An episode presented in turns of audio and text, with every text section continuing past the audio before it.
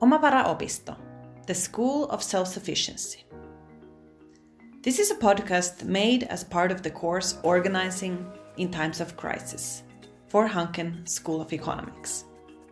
My name is Karolin Tourunen and I am the interviewer. My journey starts on the 20th of February 2021 in Oulu, from where I drive snowy roads first to Kajaani and then towards the Russian border to Pohjois-Karjala. I am lucky to drive from Oulu. It only takes three and some hours, but from Helsinki, this distance would have been 550 kilometers. And six and a half hours, without breaks, of course. It is truly in the middle of nowhere. Many wild animals move around in these forests wolves, elks, bears, lynxes, and even the real wolverines. My mission and destination in this venture is Rumo, and the purpose to interview the founders of Omavara-opisto, Marja Dorf, and Lasse Nordlund. You cannot call Rumo a village. No, it's merely an area with log houses and small farms scattered around the forest. In Rumo, the road gets even smaller from the main road, and clearly the snowplow has not been here. Finally, my GPS shows that I have reached my destination, the School of Self Sufficiency. I leave my car at the road and start a walk through the forest. Nobody has been here for a while. Who knows? The falling snow covers all traces quickly. After a short walk, I see wooden houses, but nobody around. Then, inside, I see movement, and a smiling Maria comes out of the house. Welcome. Uh, tell our listeners a little bit about yourself and your journey you made to get here to North Karelia, to Rumo. Yeah, actually, uh, I am a city girl originally, so I'm from Jyväskylä. But already as a teenager and as a high school student, I realized that uh, this kind of city life is not sustainable. And I, straight after high school, I moved to the countryside and started to live there in a, an eco village. And after that, I have been also, I was abroad for a while, visiting many permaculture farms. And then I came back to Finland and studied as a teacher but most of the, my adult life I have lived in the countryside. But when I met Lasse like 17 years ago, since then we have been developing this self sufficient lifestyle and we have been living now 14 years in Rumo. For me, this uh, project started already when I was 20, about 20, from the point that I just realized that there's no space nor place for me to exist in this kind of world. And I had the strong feeling that I have somehow to recreate it. So I started from the scratch to build up my vision. And here I am. How long has the School of Self Sufficiency, Omavara-opisto, been running in Rumo and how was it founded? Well, we started this uh, founding process already in 2016, but then it took some years to develop the idea and sort of get things going. But we had our first course in 2019, and that was our log building course. That was only four weeks. And last year, in 2020, we had this 10 uh, week course about ecological building. And this now, this year, is the first year that we will have this course about self sufficiency. So actually, this is like our first real year.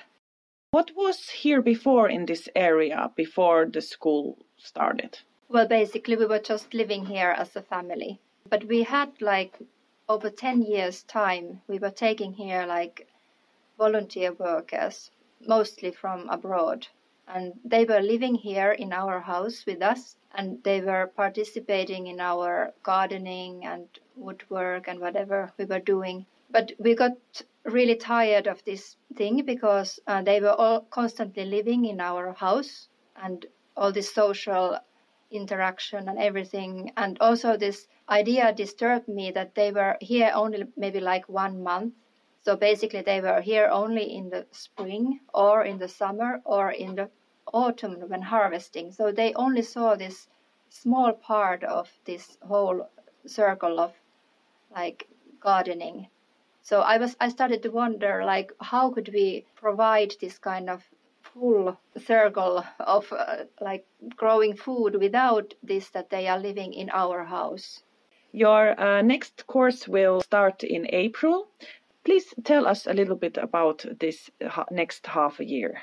Yes, so actually we just had now this application process. So we had like 12 applicants and this is a really good number. We were aiming at from 10 to 15 students because we have two houses for our students. So 12 is actually the best number. We will start here in, a- in the end of April, which is basically the starting point of the growing season here in this part of Finland. We will make the gardens, and students will also have their own gardens, which they are tending. And we will do some ecological building work and woodwork, metalwork, handicrafts like spinning and weaving and making willow baskets for mushrooms and so on. So we will try to get like a scratch of every like basic technique. And we will build a cellar, like this kind of under the earth cellar. And we will also continuing the log house, the sauna building. So students will also get a grip of how to build logs.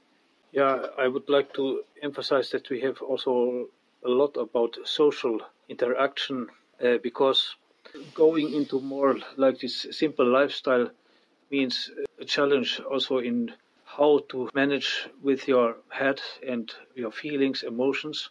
Because the question is that we are somehow downshifting, and you can consider certain problems with the things you are used to. So we try to help the students also to face these inner changes. What kind of teaching methods do you use?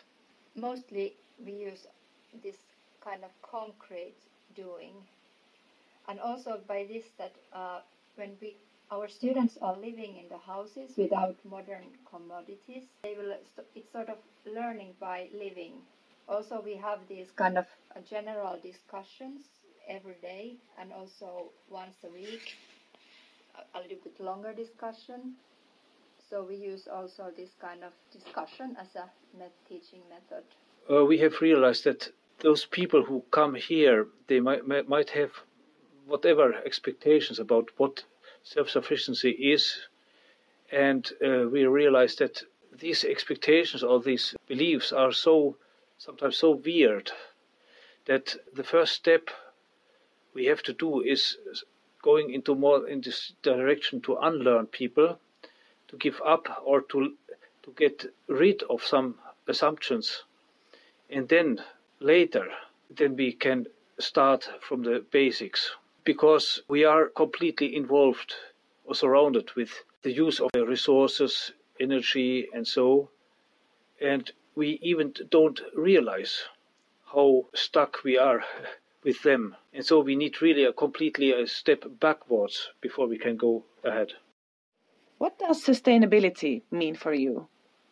Well, for me, sustainability means that we have to stop this Western lifestyle with overconsumption, and we cannot use resources in this way that we are like consuming four planets' resources in one year for me, it means that we are cutting down all this carbon footprint so that we are living more modest and simple life and taking care of our own food and heating the house, etc.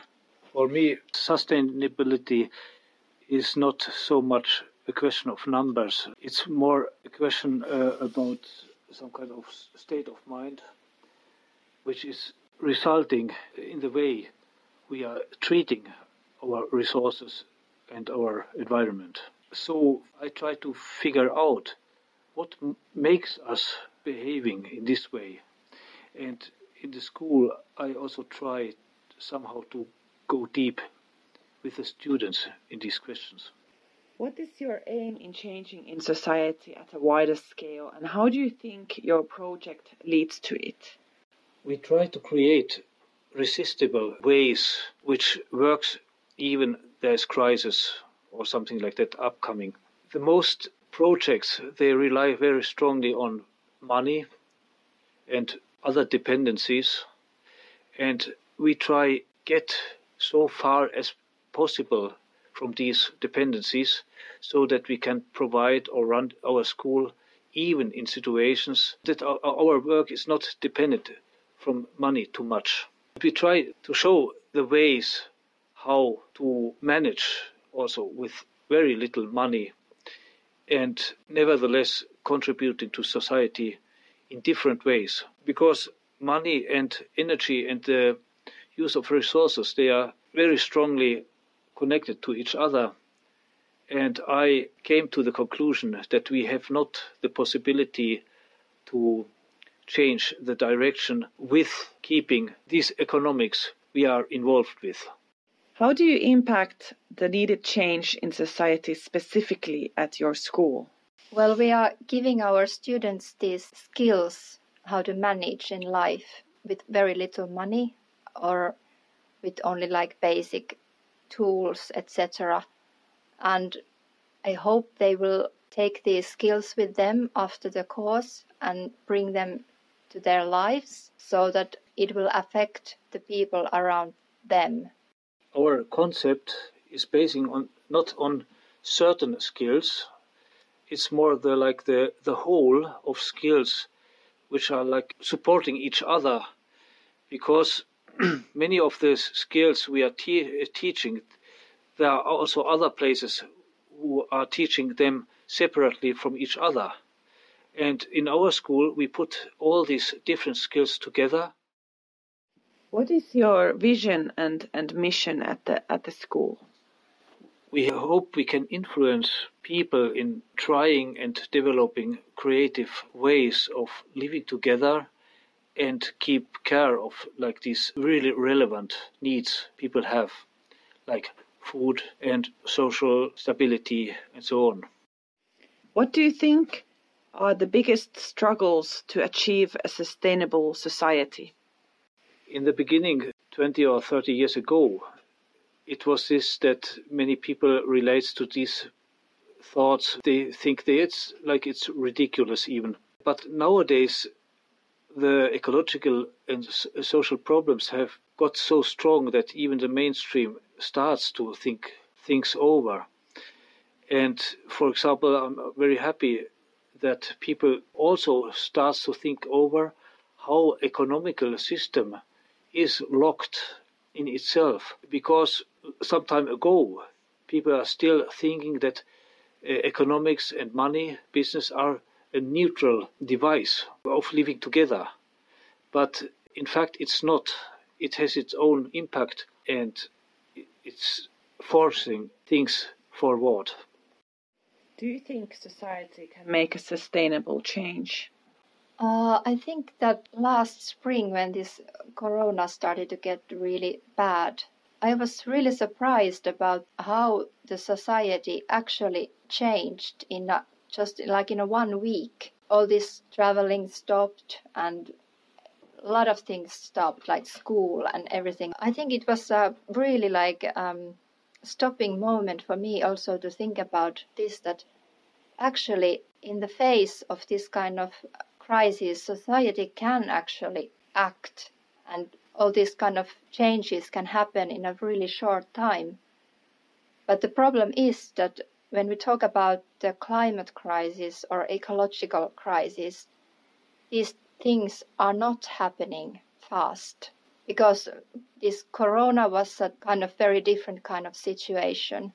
But what I believe is that we here in our school we want to give our students this possibility uh, to learn these skills voluntarily and without any sort of prizes because there can be in the future the time when there will be like hundreds of thousands of people coming here and people are seeking for countryside places or whatever. I don't know. But then it's not anymore a question about doing something voluntarily. Th- then we do things in the face of like we have to do it. The School of Self-Sufficiency Omavara Opisto is according to your website the first of its kind in Finland. Have there been other similar projects now or in the past, or are there any that are being planned in Finland or abroad? I I haven't heard about any this kind of similar projects according to self-sufficiency in Finland. Uh, so I think this is the really the first of its kind. But uh, how we found out about this, or how we got this idea, was this that our friend visited Sweden in one of one of these self-sufficiency courses there. So that's when I first time ever in my life heard about that there is this kind of education. So in Sweden there are now I think at least 10 different courses in different parts of Sweden. And I know there is one in England and I think there are many many also abroad but I haven't uh, got to know them. Are you familiar with the Transition Network movement and what do you think about their approach to sustainability? I, I don't feel myself very close to this movement uh, because my impression is that the people who are running it they have not very clear knowledge about how uh, energy and money and resources are working in our society. So for me, this uh, movement somehow tries to fix more the symptoms of this system and tries to force them somehow away, but they are not really aware how delicate and how, how difficult it is to do it because they have not this basic knowledge about how energy is present in everything we are doing. In our school, we try to give people back this contact, contact or this feedback to energy and how work and resources relates to each other. Could Omavara Opisto and the surrounding town be interested in becoming a transition town? Until this moment, we have realized that what is really in, uh, important is that self-sufficiency school stays independent from actually almost any trend or movement uh, because we had realized that there have been many movements who tried somehow to get get a grip of this project and uh, we felt that uh, we have to be really careful not to drift into any too much ideological uh, direction. Are you working with neighbors and other townspeople in spreading self-sufficiency? No, uh, our school is situated here in Rumo, but we are quite um, separate from the other townspeople or these neighbors because they live their they live their lives and we have our own project here so it's not connected. Uh, i would say that we have a quite intense but very loose network. Our connections are really wide, widespread, but actually, really, as Maria said, uh, the contacts to the local people are they are friendly, but we don't have to, so much in common. Do you have some partners or cooperation with other organizations? Well, our most important partner is this Kainuun Opisto, uh, which is sort of our mother school. So it's situated like 100 kilometers from here. And we always start our courses there, in their house there. So this cooperation has been really, really excellent with this Kainuun Opisto. What does your everyday life look like, and do you use modern commodities at all? Well, we have this uh, normal electricity So we, but we basically use it only for loading the phone or laptop and also listen to the radio. So our consumption is really, really low because we don't use these machines that usually take a lot of electricity, like electric stove, because we cook all our meals with the wood, wood heated stove and we make the firewood ourselves without any power tools. And then uh, we don't have running water, so we just take the water from the well with the buckets and carry it inside, and then we also carry it outside. And in the summertime, we use this gray water to water the plants, which is really good because it has a lot of nutrients in it. And we don't have the toilet, water toilet, so we are using this dry toilet outside.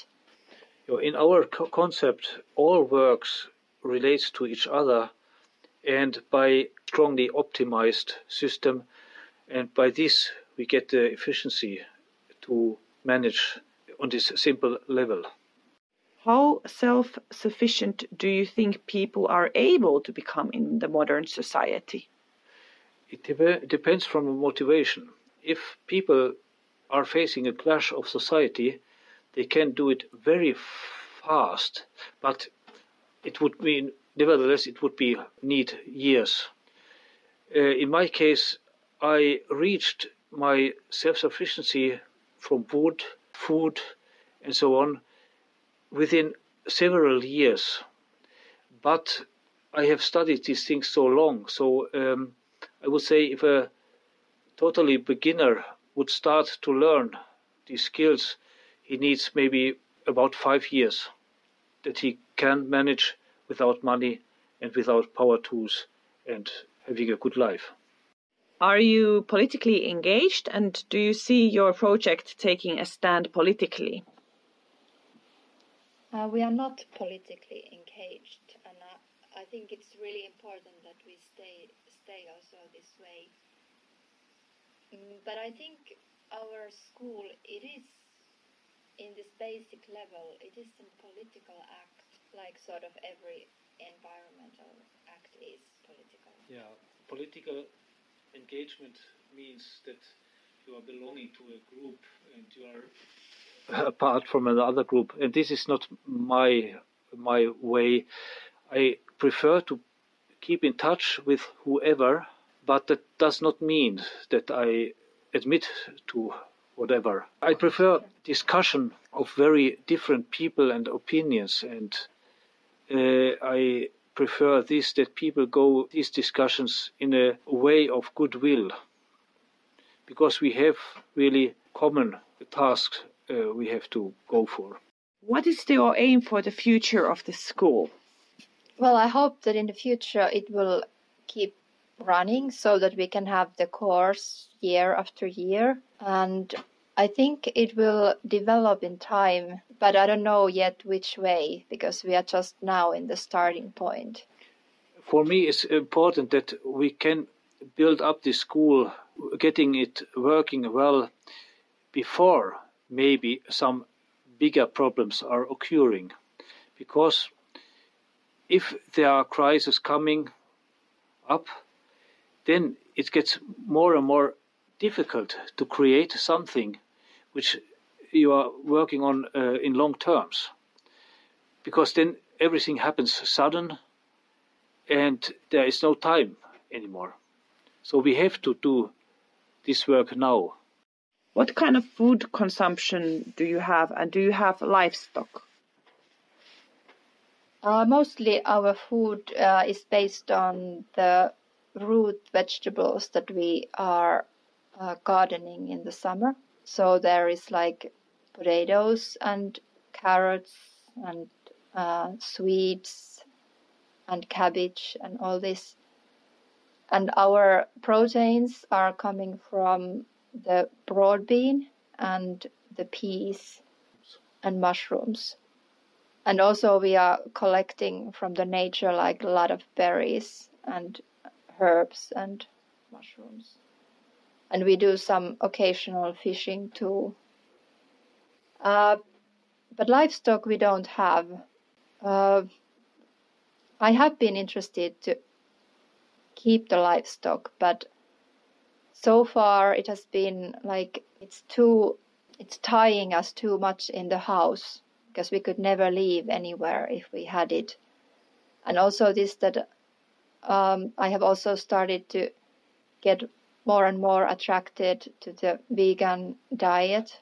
So I am sometimes buying like dairy products, organic dairy products, but it's not um, anymore so important as before.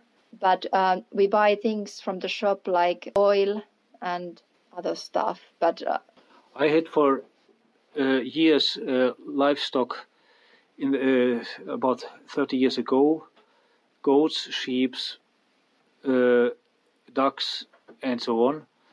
And because I work without power tools and without tractor and so on, uh, I find found out that uh, I can actually produce or provide more food and energy by concentrating only on gardening because if you do the hay for the whole winter for the animals with the sky and you are taking it on the to the shelter and then you have this risk if you are living quite in the in a in a forest there is the risk that um, you will lose animals and so on. I found out that it's more resistible this concept without animals from what kind of backgrounds are the students, and do you know if they have continued to practice self-sufficiency after the visit to the project? Uh, most of our students come from the biggest cities of Finland. So this is also what we were assuming, because that was also the situation in Sweden. Uh, many of them don't have this first-hand experience about living in the country or keeping a garden. But we have also some which uh, have experience and have been already for years working with these things. So the range is quite wide. well, we had these uh, volunteers for more than 10 years, and many of them continued to do these kind of things at home also because we have received like mail or photos or letters from them where they are telling like oh yeah i used i was trying your berry method for apricots and it works and we have got this like people have been starting to make their own tryouts after being here. So i hope that our students from this uh, self-sufficiency course will also continue after the course. Yeah and I think uh, we managed or we succeeded to show the people a concept which is somehow more supporting happiness more than like anything else. So usually the people who get influenced, it's not so much that they, they are like preparing themselves for uh, doomsday or something like. It's uh, quite positive and enthusiastic way what they found from how we are working here. What would you say that is difficult to solve by the way have, how you have organized self-sufficiency larger in society? There are certain big dilemmas uh, concerning people who are really going for self-sufficiency. It's the fact that everybody is somehow forced to use money and having a laptop and so on. And especially if you are a family person, then there are coming schooling and all these like duties and so. That means it's really a big balancing out your relationships with officials and other people. Then there are these fundamental questions like where can you practice self sufficiency? Because if you are not using power tools and so, your productivity concerning money, you will never reach, get very high with this. And then it's the question how you can afford a farm or a place to stay. Because money is related to this, that it needs the input of energy into the system. It means that making money, which make it possible for you to buy a farm, relies on this that there is an in energy input into this system, which is changing into money. And if you are not using this way, you can't earn this amount of money you need for a farm. Then there is also the question of possession in general, and uh, for example, like taxes. If you are not going to sell, for example, forest or so, you might get problems with taxes because they are basing on this that they want to force person to sell their forest to the industries. Yeah, they are like these big things, and we try to go as far as possible to build or to show how to build a, some kind of bubble inside of this society and how you can avoid these facts which might crush your project about self-sufficiency. What is the most difficult thing for a modern person to understand about self-sufficiency? In nowadays world, different works are totally separated from each other, and there is no crossover benefit from these works.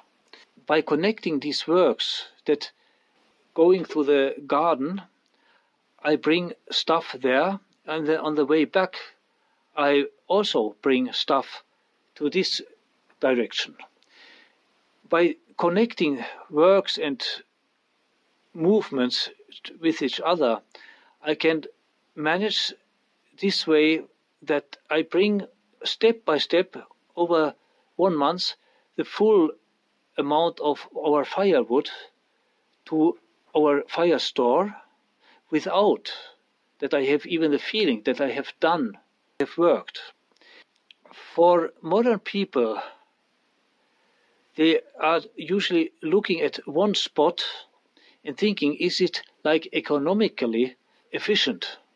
I'm usually, when I'm working in a parallel way, every work or every step serves different tasks and other works. And so I get this efficiency, which is not applicable in industrial work style. Thank you for listening to the podcast. I hope you have enjoyed it. You can find more about this project at omavaraopisto.fi.